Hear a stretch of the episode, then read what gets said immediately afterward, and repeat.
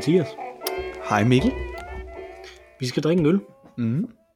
Og den øl, vi skal drikke den her gang, det er en Gram Slot Økologisk Classic.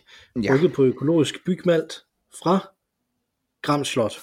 Ja. Ikke overraskende, det var der, det kom fra. Mm. Det er sådan en, som bliver lavet for Rema 1000.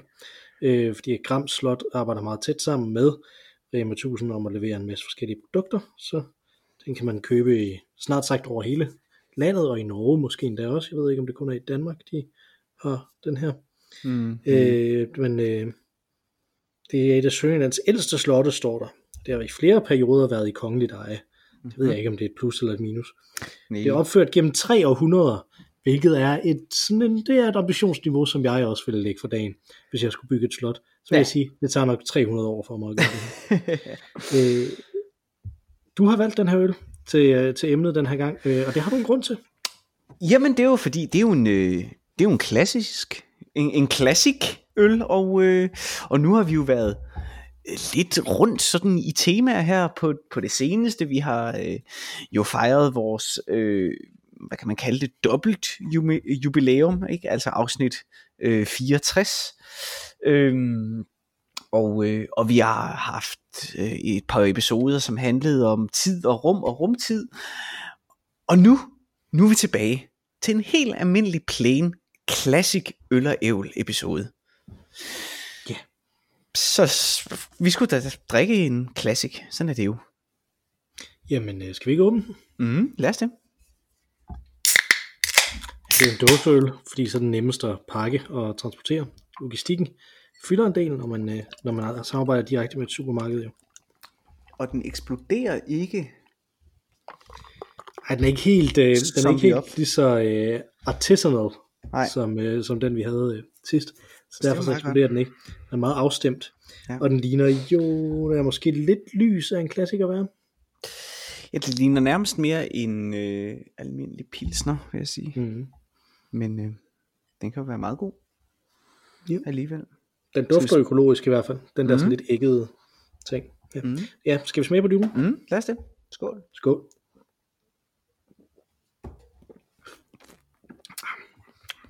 Mm, den er faktisk meget fin. lidt, øh, lidt boblende også. Altså, den er meget lidt classic-agtig, vil jeg sige. Ja, den er ikke så klassisk, classic-agtig. Det er den er meget mere som bare...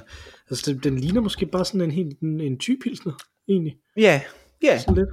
Sådan deres lidt. normale pilsner. Jeg synes, den smager lidt af græs. Ja, yeah, der er også græs på... Øh, på det kan være, det er det, der, der narer min smagsløg.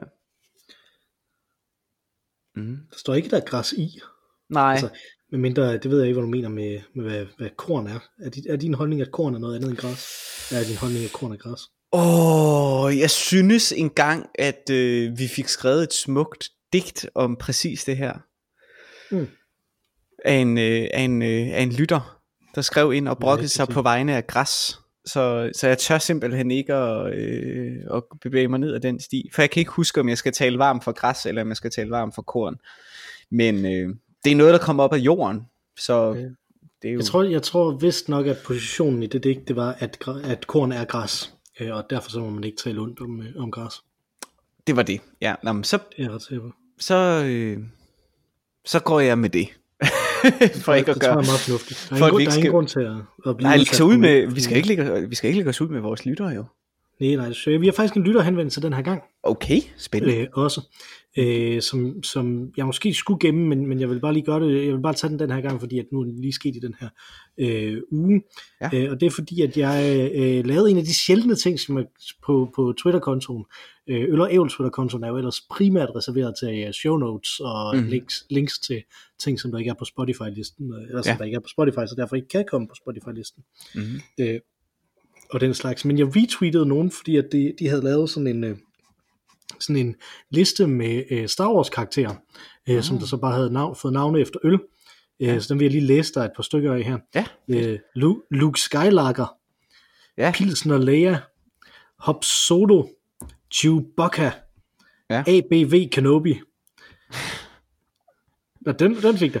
Admiral Akbarli, Queen El Midala, Sesong Jin, Count Dunkel og Darth Plaga, Plagace the Wise, som Wise, Weisse, The Weisse, I guess, okay. øh, Weiss beer. Øh, og der har vi så en, øh, en, en, der følger os på Twitter, som så okay. har øh, svaret øh, på den her, øh, og, og han hedder Jonas S. Hansen, ja. øh, og jeg vil gerne anonymisere ham ved at, ved at bruge hans øh, Twitter-tag, men hans Twitter-tag er snabelag Jonas S. Hansen. Okay, så, øh, der er ikke, der er ikke så meget at gøre. Nej. Øh, men han øh, tweetede nemlig en øh, label af en øl, som der hedder Dark Vader. Se, det var jo en del sjovere, vil jeg sige det må man sige, det er en svartsbier, som faktisk er øh, øh, rigtig, øh, og som der er øh, fra Bank og Harbo, øh, som, øh, som øh, blev kåret til en af de fire bedste ølnyheder i 2018. Så den skal vi prøve at se, om vi kan få fingrene i på et tidspunkt. Ja, den skal vi have fat på. Øh, det, øh, det lover vi her. Det lyder, Ja, det gør vi. Øh, jeg vil sige, det var ikke alle på den liste, der var lige gode. Og jeg sprang der nogle af dem over. Åh, oh, ja, okay. Ja. så Queen Ale Medalla, ja. den kan jeg godt lide, men det er også bare fordi, at det er, ja, den, den var rigtig, den var det er sådan lidt, ja, ja. sådan fjollet i forvejen, ikke? Så. Ja, ja. Så giver det, så giver det, så giver det okay mening. Men det, er, øh, det, var, det var bare fordi, vi havde fået sådan en lille henvendelse. Så den, den er skrevet, Jamen, den er skrevet op. Tak. Den kommer nok først i det nye år. Det er ikke sikkert, at vi når at få, øh, at få indkøbt dem øh, inden. Nu må vi se. Nej, og vi er jo, vi er jo havnet lidt i en... Øh vi har havnet lidt i en, i en speciel situation jo i dag, mm. øhm, og det er, jo, det er jo ikke for at være dagsaktuel, men det er jo, vi er jo i december, det er den første søndag i advent, og alligevel så sidder vi her og drikker sådan en, en, en, øhm, en sommerlig høstøl her. Øhm, og, og det samme med det, som jeg gerne vil tale med dig om. Jeg vil ikke snakke om jul, men det udspringer alligevel måske lidt øh, fra det, fordi det jeg gerne vil snakke med dig om i dag, Mikkel, det er jo øh, biografier. Mm.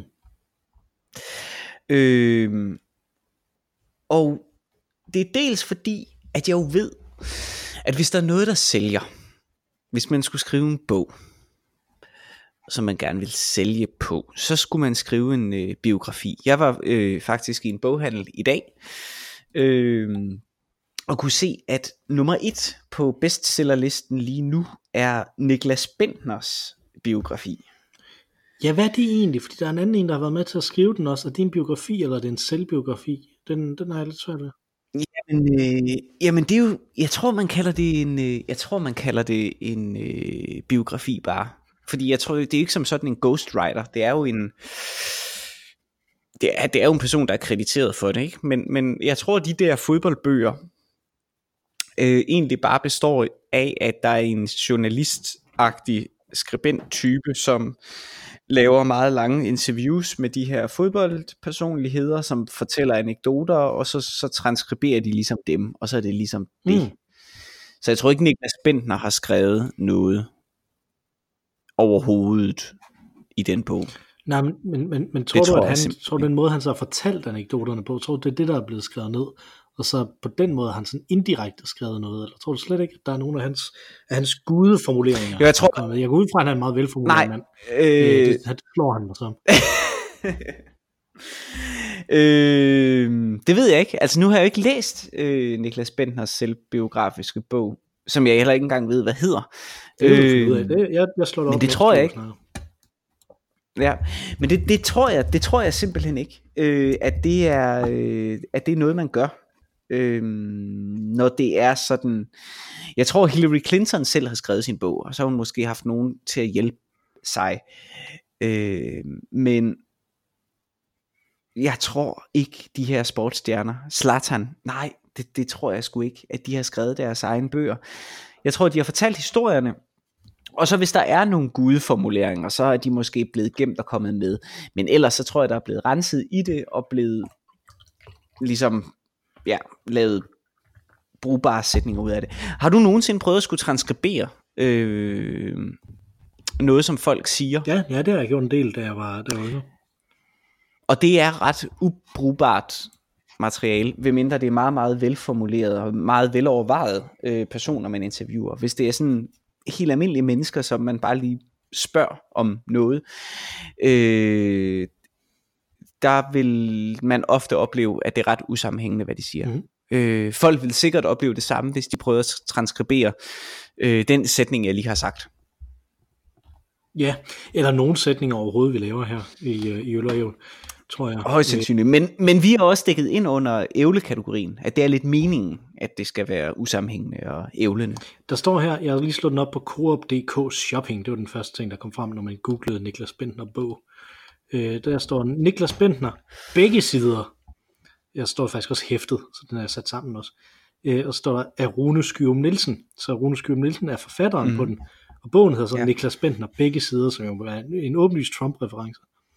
Øh, og den har fået her, hold nu godt fast, en gennemsnitlig kundebedømmelse, baseret på én kundeanmeldelse, har den fået fire stjerner af Don Kello Okay. øh, fra Roskilde, for det ikke skal være løgn.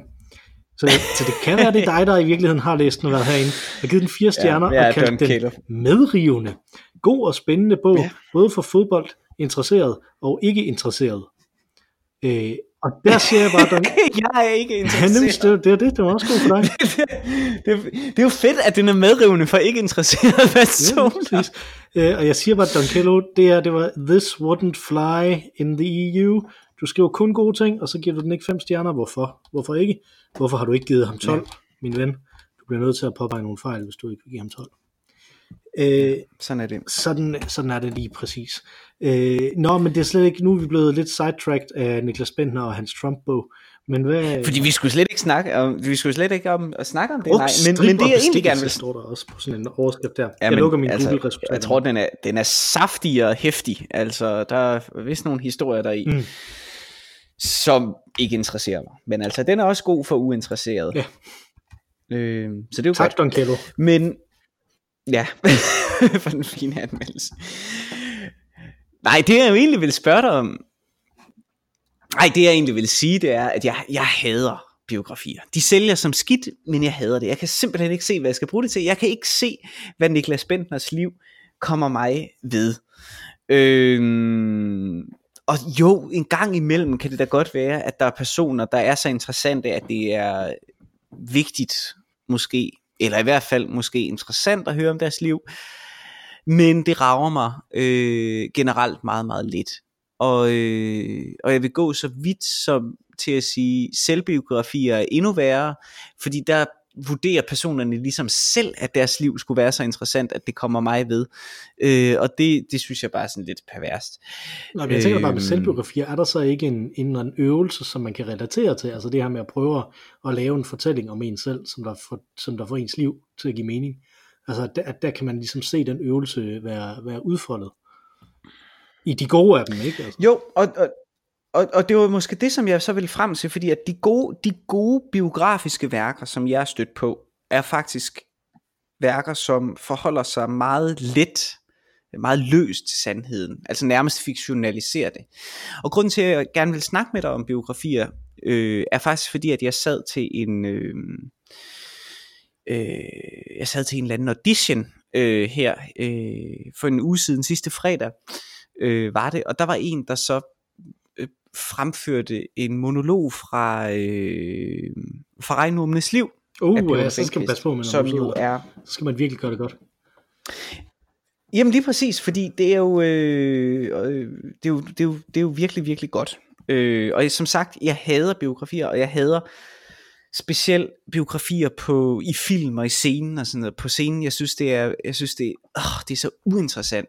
Men der er enkelte værker, der skiller sig ud. Jeg synes Amadeus skiller sig ud øh, som, som stor øh, både teaterkunst og filmkunst. Og så netop for eksempel for Regnormenes liv, øh, som jo er en øh, Johanne Louise Heiberg biografi i et fiktivt møde mellem Johanne Louise Heiberg og H.C. Andersen, som udspiller sig på en aften, hvor at hun ligesom øh, åbner sit hjerte øh, for H.C. Andersen, som så svarer igen, faktisk også med at åbne sit hjerte, og man trænger dybere ned i det her kajtede menneske, som han var, og, og det her øh, øh, måske misforstået, måske meget erotiske menneske i virkeligheden, som, som hun var. Øh, super velskrevet, øh, sådan kammerspil er det jo nærmest. Øh, og så bliver jeg bare konfronteret med den her tekst, og så tænkte jeg, den er fandme god. Altså det var en af de øh, teateroplevelser, som da jeg så den første gang, øh, som gjorde, at jeg havde lyst til at beskæftige mig med teater. Så derfor står den også meget altså, nær den tekst. Øh, men det er alligevel noget, som jeg øh, de seneste par år har tænkt meget over, øh, at jeg nok ikke vil kunne lide længere, fordi at jeg bestemt ikke er sådan en øh, kammerspils person. Jeg er jo meget mere til, til sådan tysk forfremdende øh, teater øh, i dag. Ikke? Øh, så, så det var meget interessant at møde den her tekst igen. Og igen blive blæst over, hvor, hvor fed den var. Og så kom jeg til at tænke på det her med biografier, og jeg kom til øh, og tænke på, hvor meget jeg egentlig hader biografier, fordi jeg ikke synes, det er interessant generelt. Men hvordan der alligevel er nogle biografiske værker, hvis de bliver holdt ud i armslængde, hvis man virkelig tør gå med fiktionen, og hvis man tør ja, fiktionalisere det, at det er måske stadig meget interessant. Og, og, og måske også selvbiografier øh, vil måske også være interessant, hvis der var nogen, der ligesom turde lyve gennem det hele. Og så kom jeg til at tænke på dig, Mikkel. fordi jeg lyver typisk gennem det hele. Præcis. Nej, dels fordi, at jeg ved, at du faktisk læser en del biografier. Ja, ikke så mange, som jeg plejer at gøre, men øh, jeg, jeg læste okay. rigtig mange biografier Jamen, du har, før. Du har læst meget, mange biografier, så du har sikkert en anden holdning til det, end jeg har. Og så, øh, og så fordi jo, at øh, din store held, øh, Bob Dylan jo, så at sige, er mester i netop at selviscenesætte sin fortid. Øh, mm. Måske ikke øh, i egentlige biografier, men alligevel altså... Han har faktisk skrevet en er hele hans... Jamen er den løgn, eller er den sand? Øh, den er både og. Er den rent den er faktisk sand? Den er ja. både og. Men hvad er det, du finder i, i, i biografier? Eller Jamen, fandt, nu læser Bob du det. Dylan er den eneste person, hvor jeg har læst en biografi af den person, der stadig er i live. Øh, bare af min egen interesses øh, skyld. Øh, jeg okay. har læst, den, anden, den eneste anden, jeg har læst en biografi af, hvor han var i live, det er Allan Olsen. Øh, okay. Hvilket er lidt tilfældigt, ikke? Og det øh, gjorde jeg, fordi at jeg tænkte, at jeg måske skulle skrive en anmeldelse af den. Det tror jeg ikke, jeg gjorde. Okay. Jeg mener ikke, jeg skrev en anmeldelse af den, men det tænkte jeg, jeg måske skulle. Og derfor læste jeg den. Det var en, en meget let læst bog, ikke? Øh, og jeg, og jeg tror lidt op, at det er det, der også er problematikken, ikke? Altså, at at der hvor biografier de ikke rigtig dur, det er når de er øh, når de handler om nogen der er i live nu. Øh, mm. Fordi hvis de handler om nogen der er i live nu og prøver at forklare dem der er i live lige nu, så er det et ukomplet billede. Øh, og det er enormt øh, umuligt at prøve at lave en, en fornuftig fortælling, fordi mm. det, er jo, det er jo non-fiktion, men det er opbygget som fiktion biografier, ikke? Altså, det er opbygget som, en, som et narrativ, mm. som der ikke, øh, øh, altså, som det bare er enormt svært at, at, at lave noget som helst øh, med, når der ikke mm. er en, øh, en afslutning på. Ikke? Altså, fordi narrativer er altid lineære, mm. har altid, altså slutningen kan ændre, kan ændre det hele, ikke? Altså øh, bla bla bla, øh, Romeo og Julie var, var en happy ending i flere hundrede år og sådan noget, ikke? Og det ændrede ret meget, hvordan resten af det stykke var, og sådan og bla bla bla. Men mm. det samme med de her biografier, ikke? At, at typisk mm. så er de ikke så interessante. Og der, hvor de så bliver interessante, der er det nemlig dels sådan, som du siger, når de så lyver rigtig meget, når de, når de, når de netop så laver det fiktivt, ikke? Fordi at det er den, det er jo den, det er den bevægelse, man selv laver hele mm. tiden, ikke? Det er, at man hele tiden lyver om, hvorfor ting er sket i ens liv, fordi at der er ikke rigtig nogen grund til, at ting sker i ens liv. Typisk øh, indimellem så beslutter man sig for et eller andet, men det er ikke fordi, at man, man ved jo ikke, om det er rigtigt eller forkert, det man gør, når man gør det, det, og det finder man jo heller aldrig nogensinde ud af, fordi der sker et eller andet, så er man måske glad for det, eller ked af det, men man ved jo aldrig, hvad der var sket, hvis man gjorde det andet. Øh, så, så, så man laver sådan en eller anden løgn om, mm. at, at der er et narrativ i ens øh, liv, og, det, og derfor så appellerer den ekstremt godt til en, fordi at det, er, det er også derfor, vi godt kan lide kunst, fordi det, det passer godt sammen på den måde, narrativ kunst. At det giver sådan en fornemmelse af, at der, er, at der er en eller anden form for orden i verden. Mm. Øh, om ikke andet så en, en orden, der er funderet i uorden, hvis det er sådan noget absurdistisk, ikke? Altså, hvis det skal være. Øh, og så øh, den anden, det er dem, som der døde for lang tid siden øh, eller i hvert fald for noget tid siden, øh, og hvor det jo faktisk bliver en genre af historie i stedet for. Øh, og dem synes jeg er ret interessante, fordi de typisk, altså det, det, det er de store eksempler i dansk øh, moderne øh, historisk biografisk litteratur, er jo den der Jens Otto Krav bog, som der var øh, her, der alle vegne, dengang vi var øh, gymnasieelever, mm-hmm. øh, som øh, Bo Lidegaard skrev, mm-hmm. mens han stadig arbejdede i statsministeriet, mener jeg. Øh, mm-hmm og han, øh, øh, han, der skriver han jo om Jens Otto Krav, og rigtig meget om Jens Otto Krav, men også rigtig meget om samtiden, og rigtig meget om det her, øh, det her tidspunkt, øh, som, som Jens Otto Krav er med til at tegne. Ikke? Og det er det, der typisk er ret interessant ved sådan nogle øh, biografier. Det er også derfor, at det er også derfor, det er interessant at læse en biografi af Bob Dylan, for der er ikke en officiel biografi af Bob Dylan. Han har lavet den der selvbiografi, ikke? men det tror jeg bare, fordi han havde lyst til at tjene nogle penge og måske de havde lyst til, at nu skriver jeg det her, ikke? Altså, mm. øh, men, men en uautoriseret biografi af Bob Dylan er jo nærmest som at skrive en biografi, hvor, man, hvor, hvor hovedpersonen er død, ikke? fordi at, at, at man bliver nødt til at kigge på alle kilderne i stedet for øh, og prøve at samle alt muligt, der er rundt omkring, for at komme frem til, mm. øh, til det. Og det. Så der kan man sige, det er mere interessant. Men sådan noget, sådan noget som, øh, der er en rigtig god Cæsar-biografi, som jeg ikke kan huske, hvem der har skrevet, men sådan en vej ind med at sige, jamen her er et menneske, som vi ved relativt meget om, ikke? Øh, og det fortæller os noget om den her, øh, om den her historie. Mm. Men jeg tror, du har ret i, at biografier som sådan, hvis vi kigger på dem historisk langt hen ad vejen, mere har været et spørgsmål om at fremhæve og understrege folks kendisfaktor. Øh, og det andet her, det så ligesom er en, øh, det er sådan nogle undergenre, det som jeg, det som jeg har været begejstret for. Ja, fordi jeg synes, det du, det du beskriver er jo også øh, værker, som nærmest mere historiske værker. Øh, fordi jeg kan selvfølgelig godt se, det er interessant at læse noget om Churchill, hvis der er en særlig vinkling ind i hans liv, som handlede om det, som jeg alligevel havde lyst til at læse om. Altså for eksempel, hvis jeg var interesseret i 2. verdenskrig, vil jeg gerne høre noget om Churchills øh, overvejelser gennem 2. verdenskrig, for eksempel. Ikke? Mm. Øh, og var måske mindre interesseret i hans skolegang, men okay, det kunne jeg måske så også læse mig øh, læse noget om, og måske finde noget interesse i. Ikke? Øh, men det er den ene ting, det er det der er den historiske ting, det, det der hvor det bliver virkelig, virkelig, mm, virkelig ligegyldigt for mig, er måske netop ja, dem der enten er i live, eller de her personer, som ikke måske har haft stor indflydelse på hvis, hvis det ikke er hvis det ikke er tydeligt endnu hvad der er indflydelse på øh, så, så bliver det også uinteressant for mig. Øh, da jeg gik på gymnasiet for eksempel, der var nogle af de andre store biografier, der kom på det tidspunkt, alle de her Steve Jobs biografier. Og det var lige inden, det var lige inden han døde, så han var faktisk ikke død. Men fordi at, at han ligesom havde frelst Apple på det tidspunkt, øh, så kom der jo sådan en, en, en Steve Jobs kultus, øh, øh, på det tidspunkt, som var, var meget øh, mærkværdige. Ikke? Øh, og der, der virkede det til, at alle biografierne ligesom var evangelier.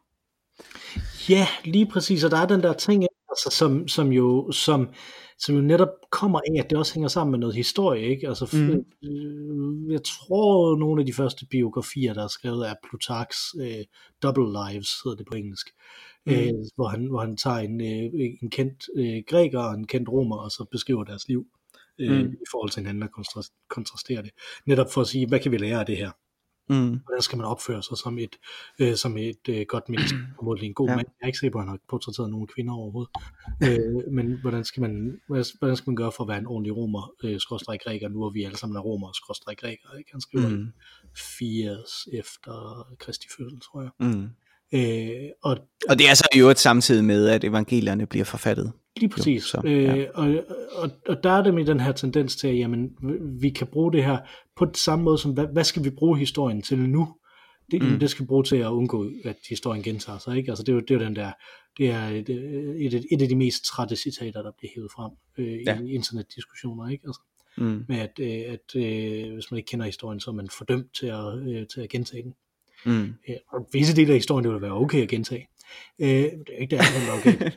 øh, men altså, det, det kan man jo ikke med Steve Jobs.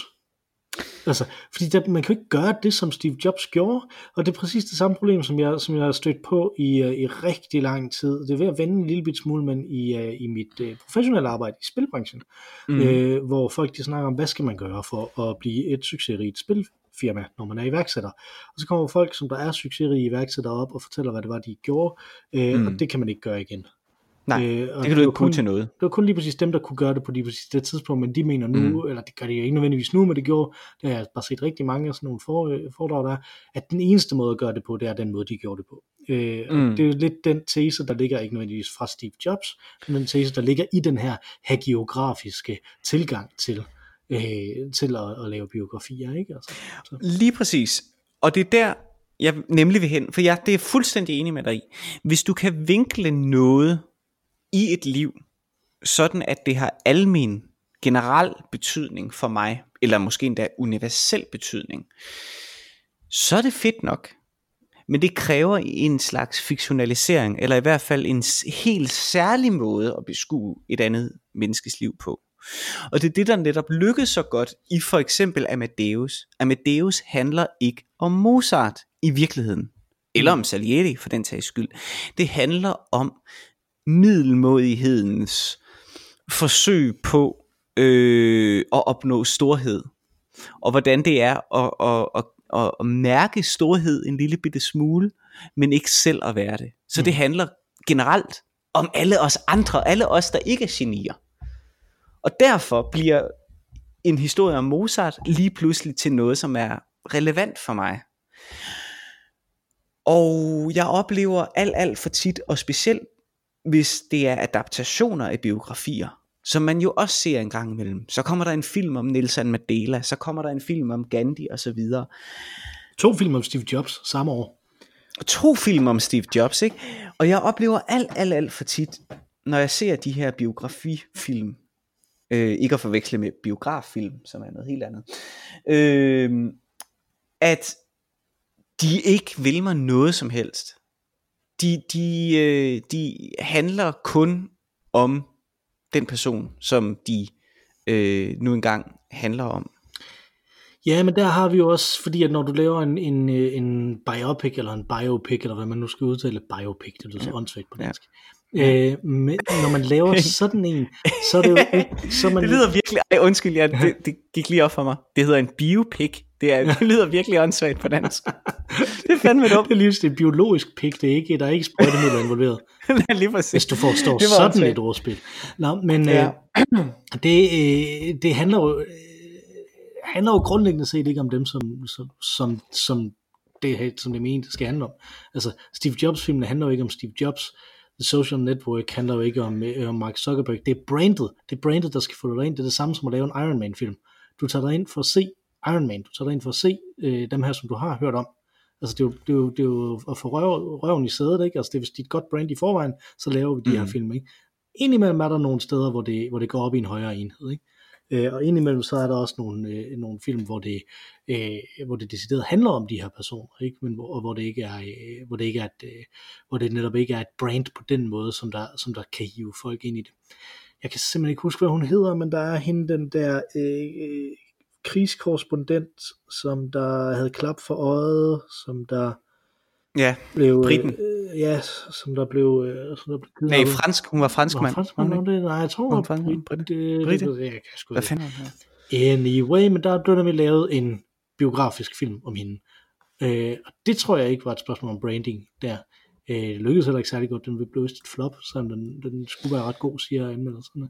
Men altså, den handler vel om at undersøge hende, og undersøge fænomenet krigskorrespondent gennem hende, ikke? Altså, øh, og ikke nødvendigvis så meget som, oh, du har hørt om Steve Jobs, så kom ind og se en film om Steve Jobs, eller for den sags skyld, du har hørt om Johnny Cash, en glimrende øh, udgave, en glimrende slags biopic, ikke? Altså, øh, men øh, den der Jo, jo. øh, Walk the Line, Men det- en det- glimrende film i Ja, den genre, præcis, det- men det- den, det er jo ikke, det er fordi, Det du er har hørt om Johnny præcis, Cash, så det, kommer det er ind og nemlig et godt eksempel, fordi det, det, det, det er en glimrende film. Men den, det, er jo, det er jo stadig en fuldstændig ligegyldig film. Altså hvis det nu ikke var Johnny Cash, hvis det nu var, hvis det nu var fiktion det der, så vil du sige, det var fandme en tynd øh, omgang suppe. Øh, og det er det, der lidt er problemet. Det er simpelthen ikke som regel Det spændende ikke, nok det kommer sig på, selv. hvordan den er lavet. Jo, men ikke? den er Altså, lavet rigtig, rigtig godt. Den, Den lavet er så rigtig fin. Ikke? Altså sådan noget. Men det, Men det er men meget sjældent, men det er meget sjældent, at... Fordi Ja, ham, der har lavet den, fortæl. Ham, der har lavet den, James, James Mangold eller Manigold eller sådan noget, har også lavet to Wolverine-film. Øh, har lavet The Wolverine, øh, som er den, det ved jeg ikke, syvende film med Wolverine eller sådan noget, som de endelig løb tør for andre titler. øh, og så den sidste Wolverine-film, mm. som hedder Logan. Mm. Øh, og jeg har ikke set The Wolverine, den skulle være rimelig god faktisk, men Logan er en fremragende film hvor Patrick Stewart spiller røven ud af bukserne i den, øh, og Hugh Jackman spiller helt vildt godt i den ja. også. Sådan noget, ikke? Mm. Og den er vildt godt øh, instrueret, rigtig, rigtig flot øh, hele vejen igennem, og en rigtig god film, som handler om noget andet, end at det er en Wolverine-film. Mm. Men hvorfor er det sådan en Wolverine-film? Fordi du har hørt om Wolverine. Mm. Ikke? Mm. Altså, det er sådan lidt den samme ting. Nå, undskyld, det var, jeg synes bare, den, den connection var, blev nødt til men, at og, og, jeg, det, jeg kan godt se den pointe, men jeg synes, jeg synes ikke, det er tilfældet i, de, i mange af de rigtig gode øh, biografiske film, som jeg også synes Gandhi er, sådan set. Men hvis du fjernede den øh, forudindtaget øh, viden, du har, så vil jeg våge at påstå, at de sjældent vil være interessante. Gandhi tror jeg ikke, jeg vil synes var interessant, hvis Gandhi var en fiktiv person.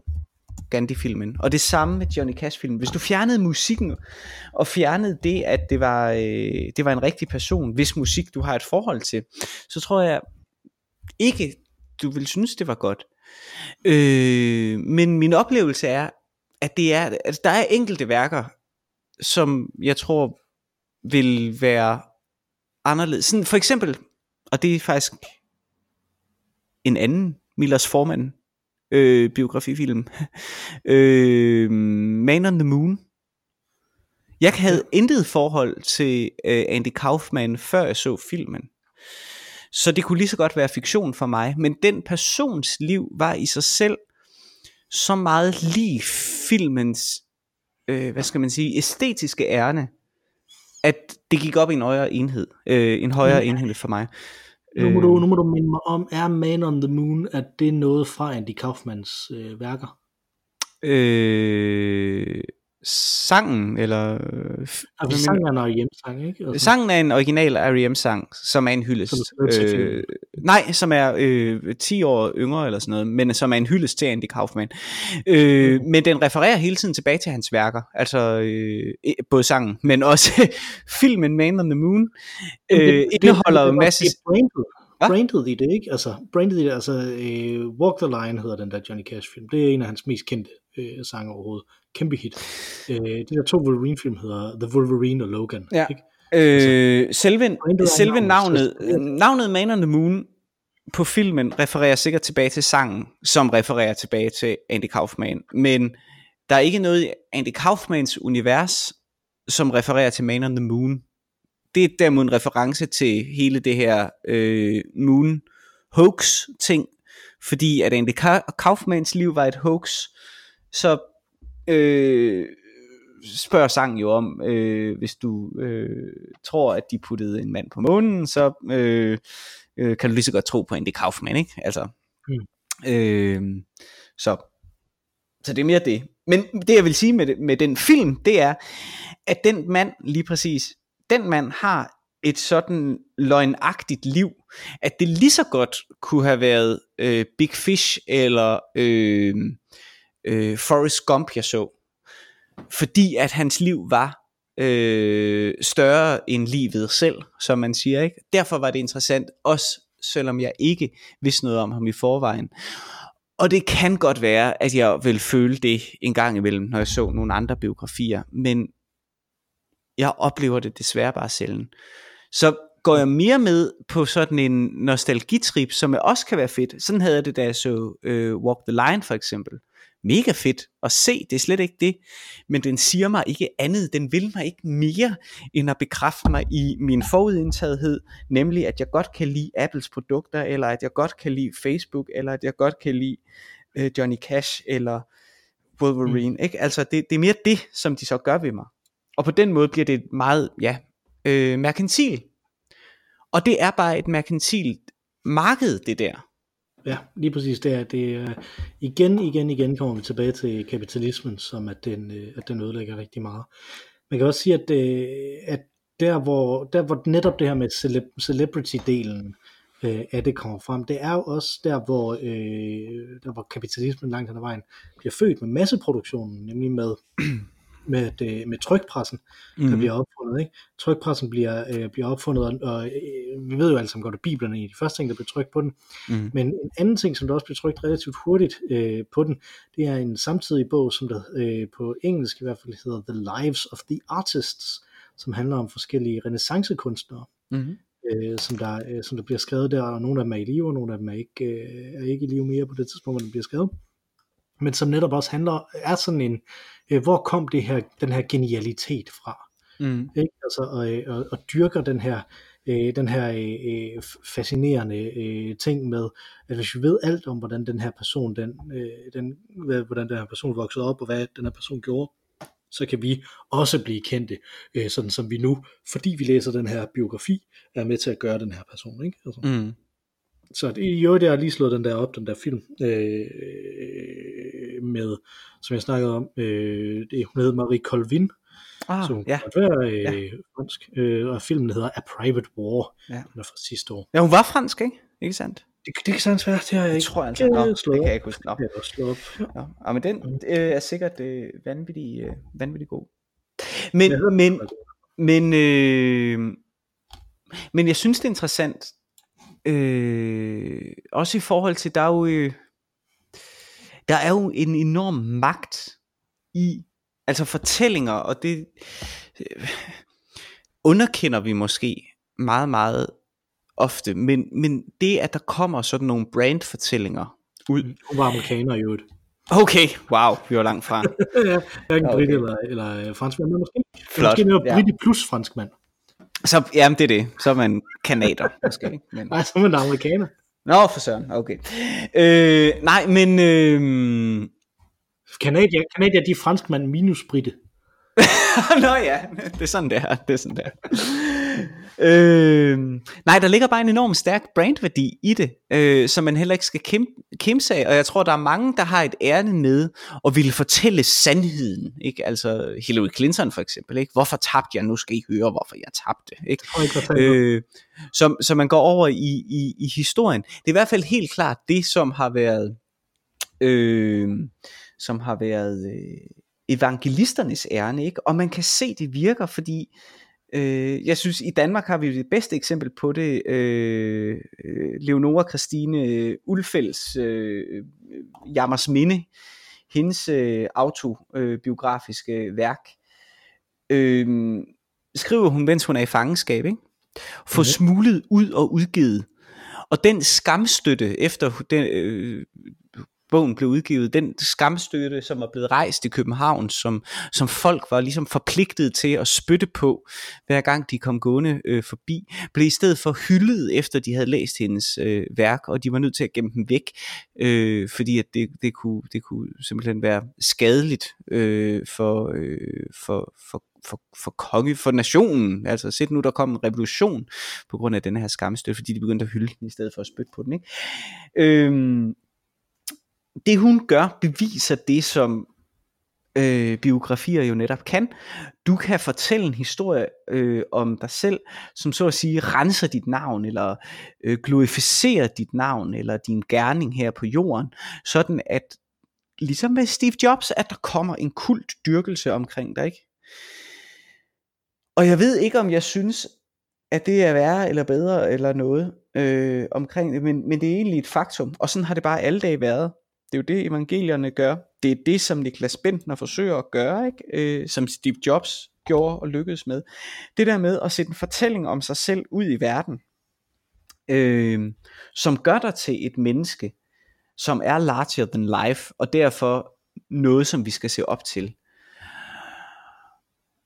Og jeg tvivler bare på, at vi alle sammen, alle os almindelige jævne mennesker, som Amadeus handler om, at vi er i stand til at øhm, selektere i, hvad der er interessant, og hvad der er vigtigt, og hvad der er fuldstændig ligegyldigt. Mm. I, I denne her samling af øh, utallige biografier.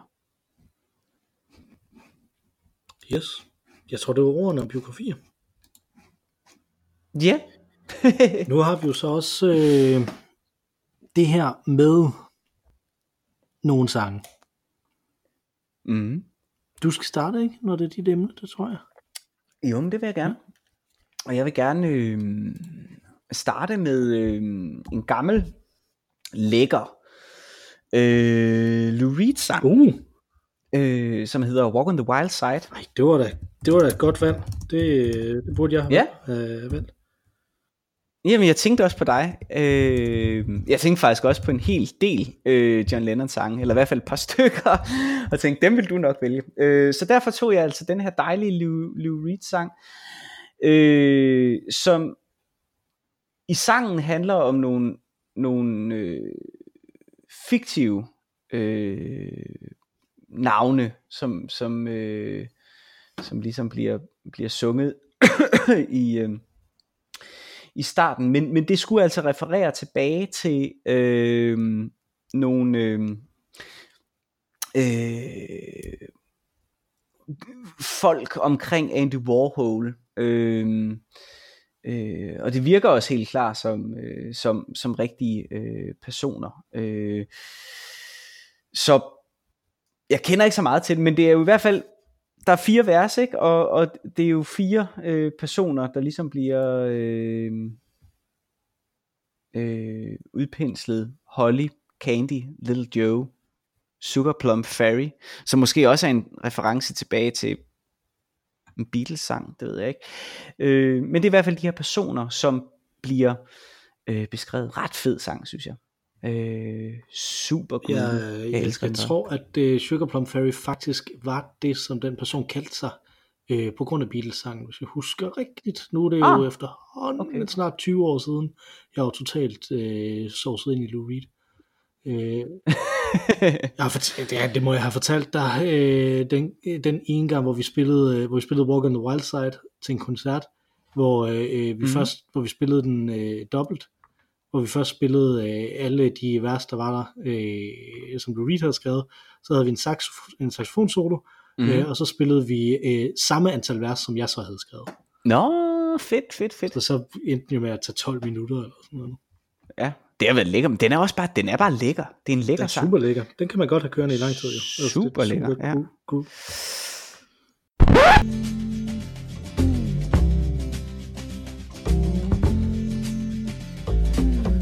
cool. Joe never once gave it away.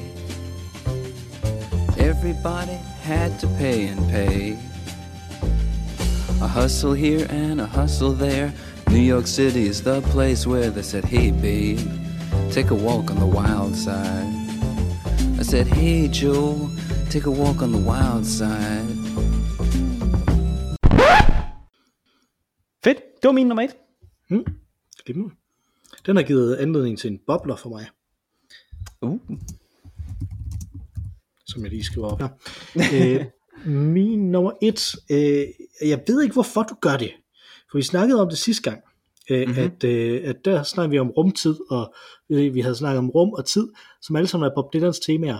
Og så ved jeg ikke, hvorfor du så vælger biografi, som også skulle være Det er jo Bob temaer. det er jo så meget Bob Dylan. Kunne, øh, jeg er mega sød ved dig. Jeg er simpelthen så dejlig og sød ved dig.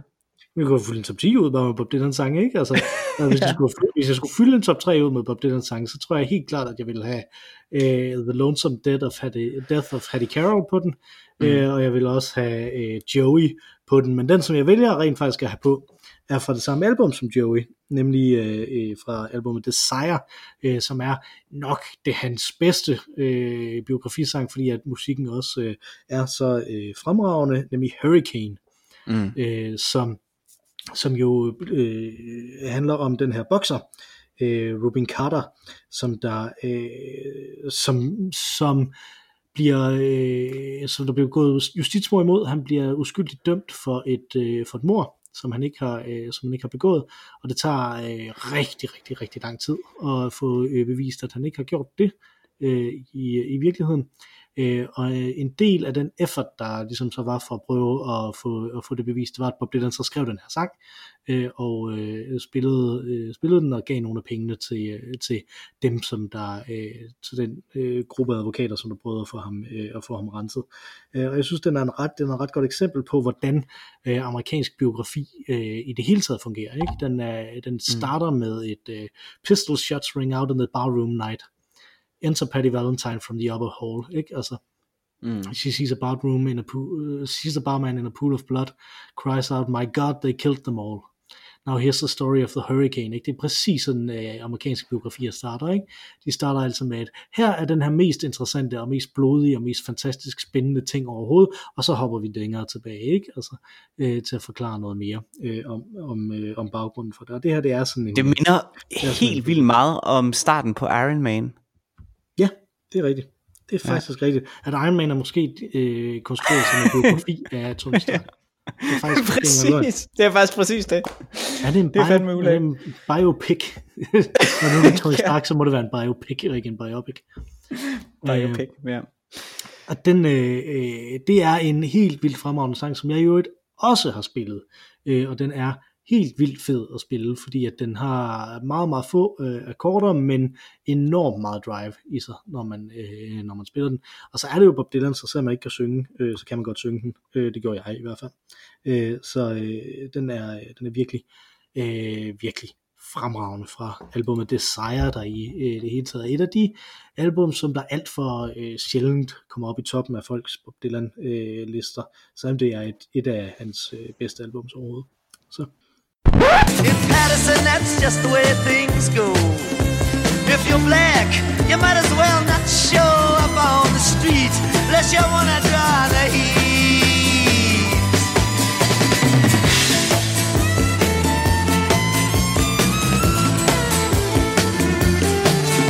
Alfred Bello had a partner and he had a rap for the cops.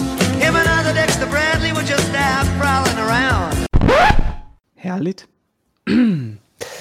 Min nummer to, øh, det er en sang, som øh, du helt sikkert ikke har spillet. Mm. Øh, det er jeg ret sikker på. Det er ikke Philip Glass, nej. Men det er jo den klassiske del.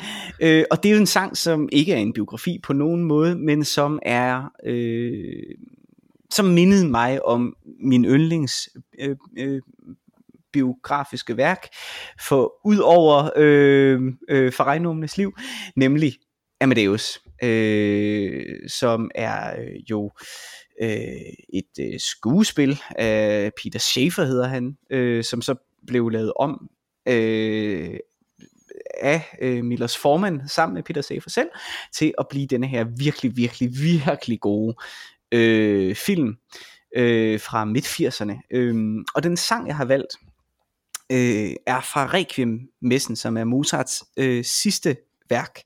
Requiem Vesten er, øh, er et værk, som jo Mozart ikke nåede at skrive færdigt. Det blev gjort færdigt af en, der hedder øh, Frans Javert Sysmeier, som var en af Mozarts elever.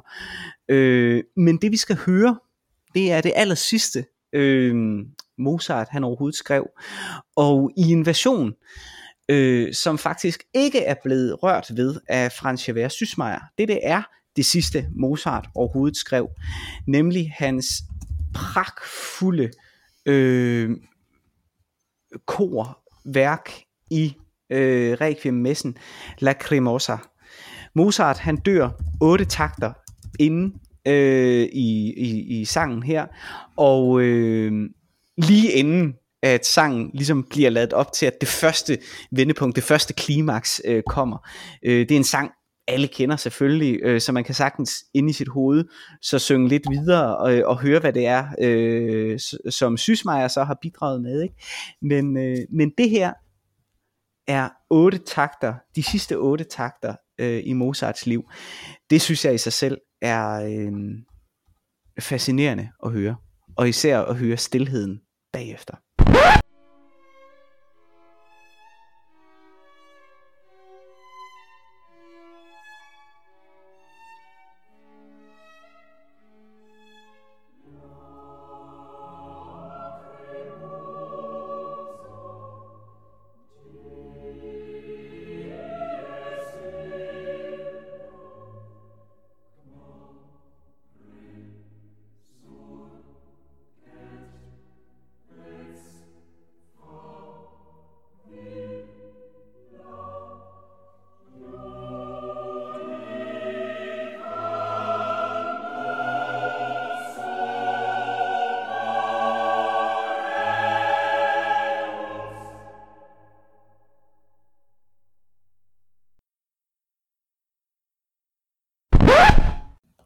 Yes.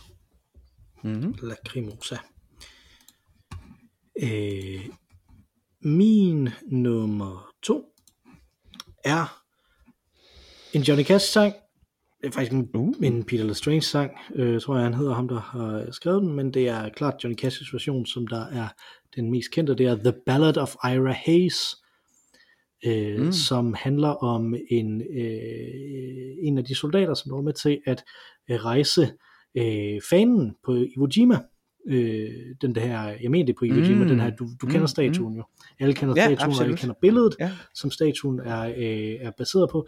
De, øh, I virkeligheden så rejste jo den her, øh, det her flag, øh, og så øh, gik de videre med deres dag, og så lidt senere, så kom der en fotograf, og så rejste de flaget igen for fotografen.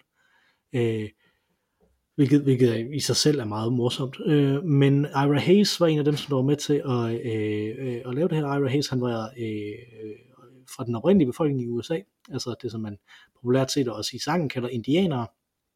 Øh, og det, øh, den her film, den eller ikke film, den her sang, men den føles som film. Den her sang den handler om, hvordan øh, på grund af, at de er blevet udbyttet af øh, de hvide amerikanere, så er de ekstremt fattige, så derfor så melder han sig til hæren øh, til at øh, kæmpe i, øh, i 2. verdenskrig for at få nogle penge, øh, og så er, bliver han altså den her held, der bliver dekoreret og alt sådan noget, men uanset om han er held, og dekoreret, så øh, bliver han alligevel øh, diskrimineret imod bagefter, og ender simpelthen med at være Drunken Ira Hayes, som, øh, som omkvædet øh, synger, ikke? Call him Drunken Ira Hayes, he won't answer anymore, not the whiskey drinking Indian, nor the marine that went to war er øh, omkvædet, og det er hele øh, humlen her, ikke? Altså, at det er en, en stor, øh, at, at man bruger den her ene persons skæbne til at, øh, til at illustrere en kæmpe uretfærdighed i et samfund, som også er en Mm. ting, som biografier kan, ikke? Og det er det, jeg synes, der er, øh, der er fascinerende ved den her sang, som er en af de bedste Johnny Cash sange, vil jeg mene.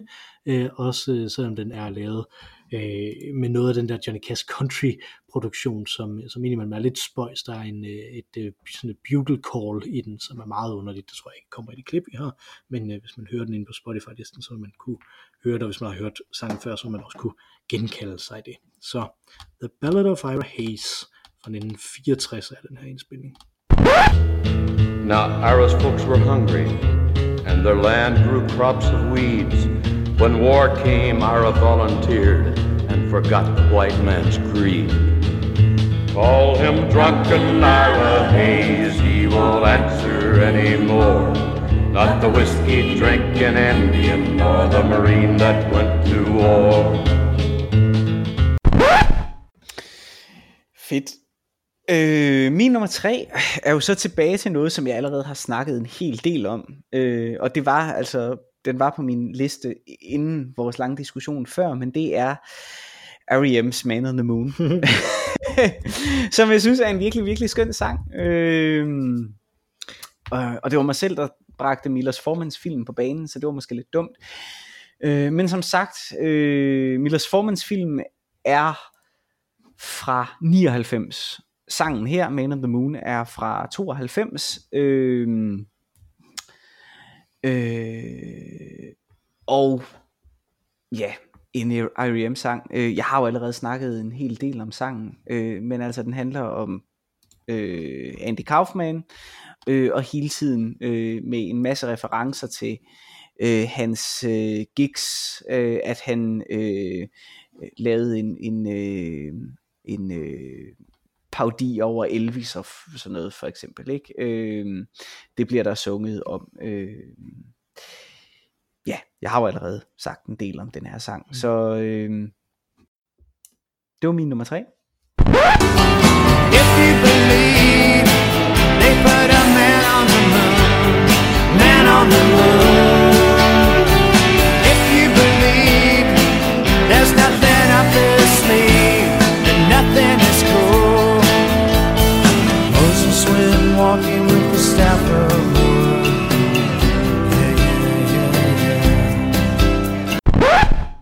jeg synes, det sker, fordi at, at R.E.M. er et band, som jeg aldrig rigtig har hørt, øh, og alligevel er der nu to R.E.M. sange på vores øh, Spotify-liste. Øh, så du må være ret glad for Øh, R.E.M., er du det? Øh, jeg var, ja, altså, ja, jeg synes faktisk, øh, de der 90'er R.E.M. ting er, og, og tidlige nuller ting er altså øh, ret fede. Losing My Religion, øh, øh, de ting der omkring var, er ret fede. Ja, jeg kunne faktisk ret godt lide R.E.M. Og det er meget sjovt, du ikke har hørt det, fordi det er jo faktisk sådan noget øh, ny, øh, hvad skal man kalde det, øh, folk rock band, ikke? Altså der er jo en, der er jo en klar rød linje, synes jeg, fra, øh, fra sådan nogle folk øh, storyteller, som, øh, som Johnny Cash for eksempel, og så til R.E.M. Ja, det kan godt være, men er det ikke sådan lidt Gen X R.E.M.? Altså,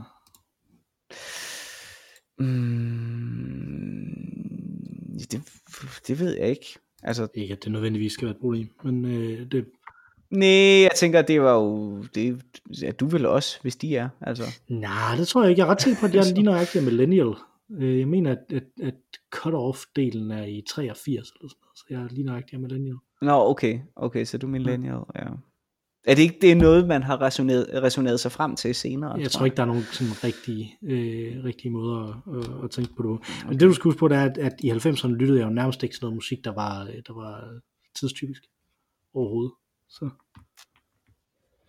Nej, men det sjove ved det er øh, faktisk, R.E.M., at de er ikke specielt tidstyp, øh, tidstypiske. Man skal huske på, at de er altså samtidig med Nirvana for eksempel, og Nirvana er langt mere progressiv, langt mere nytænkende. R.E.M. er egentlig, det er sådan lidt et, øh, et folk-rock band. Øh, Er de sådan lidt The Birds, bare i 90'erne? The Birds. Hvem er det? Jesus Christ. Okay. Nå, det snakker vi om en anden gang. Min nummer tre, det er, det er en sang, som der handler om en af dem, der spillede med på The Ballad of Ira Hayes. For det ikke skal være okay. løgn.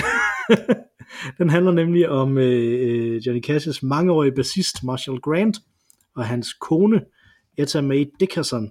Øh, og den er skrevet af øh, Roseanne Cash, som er Johnny Cash's øh, datter, øh, som jo er en glimrende kunstner øh, i, sin egen, øh, i sin egen ret.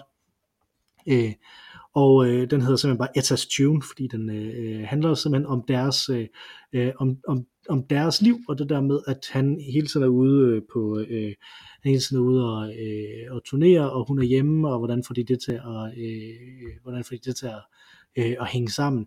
Og der har de så den her, øh, det her spørgsmål, som de stiller hinanden hver, øh, hver, gang, hver, hver første gang, de snakker øh, med hinanden på en dag. Enten det så er ved, at han ringer hjem, eller ved, at, han, ved, at de vågner op ved siden af hinanden. Øh, og det er, what's the temperature, darling? Øh, og jeg synes, at jeg vil have den med, fordi at, at meget, altså jeg tror nærmest, at alt det biografiske værk, vi har snakket om indtil videre, øh, er mænd. Øh, mandlige kunstnere, mm. øh, mandlige øh, folk, som det, som det handler om, de her biografiske mm. øh, ting også. Øh, og jeg synes, at der er et eller andet interessant i den her, hvad skal vi sige, mere, øh, mere intime, mere fokuserende på, øh, på, en, øh, på sådan et, et enkelt billede, som der kan åbne et liv og en skæbne op, øh, som, som er en mere feminin ting end en maskulin ting, ikke en mand, ikke en mand-kvinde ting, men, men hvordan de ligesom er, er kodet i kulturen, ikke? Altså så er det meget mere sådan Mm. en feminin ting med at forstå hele, øh, hele skæbnen igennem, igennem nogle bestemte ritualer, igennem netop sådan en hverdags be- beskrivelse, ikke? Altså som, øh, som jeg tror, der rigtig typisk bliver, øh, bliver øh, set ud over. Ikke? Og det er faktisk også, nu du, du har advaret mig jo om, at det var biografi, der var emnet, så hørte jeg faktisk en, en ret skæg ting i, øh, i Radio 4. Det ved jeg godt, jeg ikke må høre, fordi. Mhm. jeg jo er sådan en, som der imellem har rullegrav på. Man skal helst udelukkende Mm. have hættetrøje på, hvis man øh, hører Radio 4. Øh, Mm. Men øh, den, øh, der har jeg hørt det her interview med en, som lige har skrevet en ny biografi om øh, Karen Bliksen. Den tredje bog Ja. om Karen Bliksen, der kom i år, tror jeg. Øh, og Mhm. øh, det her, det var den første biografi, som der havde fokus på øh, hendes øh, gastronomiske side. Den første, som der holdt øje med, hvad, hvad for noget mad hun lavede, og hvad for noget mad hun var interesseret i, og den slags. Øh, som også er netop sådan et, her er en ting, som der handler om, hvordan hverdagen rent faktisk hænger sammen i stedet for de store beslutninger, i stedet for det, som man kunne tænke gjorde en, øh, gjorde en kendt, men noget, som der åbenlyst har øh, kørt, kørt ind i den her persons virke, ikke? Altså, hvis vi snakker Karen Bliksen, vi snakker Babettes gæstebud mm. og sådan noget, ikke? Øh, jeg tror, vi er helt mm. vildt interesseret i den afrikanske farm, og de der, øh, de, der, de der magtspil, som hun laver senere i sit liv, ikke? Altså, mm. øh, fordi at det er sådan nogle ting, der kan kodes ekstremt maskulint. Øh, men alle de ting, som der kan kodes feminint, er vi mindre interesseret i, selvom de også er ret vigtige i hendes mm. kunst. Øh, og det er sådan lidt den samme ting her også. Altså Etas Tune, en øh, sang, som der handler om, øh, om hverdagen, og hvordan, den, hvordan man kan udfolde et, øh, en, øh, en fælles biografi i virkeligheden også, øh, om et par her. Now don't stare into those photos, don't analyze my eyes. We're just a mile or two from Memphis and the rhythm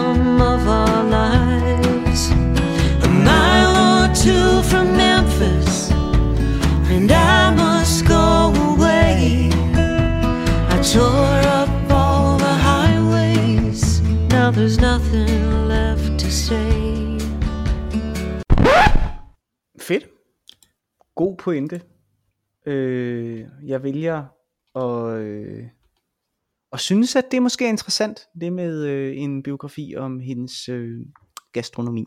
Og sangen er sikkert skøn. Jeg har ikke hørt den. Jeg har, jeg har det, præcis, jeg har det præcis sådan med den der biografi. Det er sikkert interessant. Altså, det kunne, Ja, det, ja. det kunne det godt være. Jeg aner, jeg Det kunne jo faktisk ikke. godt være interessant. Øh, men det, det jeg tænkte over også, det var, tænk at være sådan en person, hvor man går op i det. Tænk, hvis man selv blev så kendt, at folk ville gå op i, hvad for noget mad man lavede, det ville da være frygteligt. Ja, det, ja. Øh, De kortlægge alle de koppen. men altså, det siger, måske, det siger måske noget. Det er, jo, det er jo en interessant øh, vinkling ind. Mm. Altså, måske er det interessant. Det er mere... Øh, det tror jeg, det er. Men, øh, men, men spørgsmålet spørgsmålet er, det er nok til at bære en bog i sig selv. Det er helt klart en interessant oplysning med, med mad, og hvordan man forholder sig til det. Jamen, jeg tænker bare, igen, hvordan forholder det sig så? Altså, det skal forholde sig til hende. Det skal ligesom kontekstualiseres. Ellers så er det jo bare, det spiser Karen Bliksen. Okay. Altså, men hvis det er sådan noget med, det smittede af på hendes forfatterskab på denne måde, eller det betød sådan for hendes personlighed, eller det var med til at forhindre denne her krig. Okay, fair nok, så er det interessant. Men hvis det bare er, hvad hun spiste, så det ved jeg Der ikke. var hvor i, jeg, jeg ved ikke om du læste, men der var i London Review of Books for ikke så frygtelig lang tid siden, der var der en anmeldelse af en bog om, hvad er det nu? Hun hedder Susan Sontag. Øh, mm. hvor, Ja. hvor en af de ting, som de, øh, som de beskrev der, det var, at hun øh, glemte at spise tit. Øh, som er ret væsentligt at have med i forhold til, Ja, hvordan, ja. hvordan hun er som person. Ikke? Altså, om det er Mm. væsentligt i forhold til, hvordan hun skriver, det kan jo godt være, fordi at netop, netop sådan en som Susan Sontag, eller sådan en som Karen Blixen, er vi jo interesseret i, på grund af deres unikke perspektiv. Og hvad er det med deres unikke Mm. perspektiv, der, øh, Mm. mm. øh, der øh, hvad informerer det, ikke? Altså, hvordan, hvordan er de her mennesker? Så altså, det er jo det, der er det interessante, ud fra sådan en, øh, men, men spørgsmålet er igen, ikke? Altså, er det titulerende, eller er det, eller er det akademisk interessant? Bliver vi klogere af det, eller bliver vi bare tilfredsstillet? I øvrigt er det interessant, at vi lige havnede her til Mm. slut, og vi burde jo egentlig stoppe nu, ikke? men det er faktisk interessant, at, at vi ikke har talt om øh, den afrikanske farm. Ja. Fordi det er jo et hovedværk i dansk litteratur. Det er øh, øh, biografi. og fiktionslaget er, virker til at være meget, meget subtilt. Jeg tror, øh, hvis man læser det, vil man nok bare tænke, at det er øh, ren autobiografi. Øh, men kommentatorer siger jo, at der er alligevel øh, en let overdrivelse i hist og pist. Øh, den skal vi huske, fordi det er faktisk en interessant læsning. Jeg er endnu ikke lykkedes med at komme igennem den, vil jeg så indrømme. Jeg har forsøgt to gange, og er gået i stå. Øh, men det er, er mere praktiske årsager. Hun skriver virkelig øh, smukt. Men jeg tænker også, at der altså sådan noget... Jeg, jeg sad og tænkte på netop, netop med, med kvinder i forhold til det her, ikke? Øh, men, men emnet, du gav mig, var biografier og ikke selvbiografier. Øh, og så begyndte vi at snakke om selvbiografier. Ikke?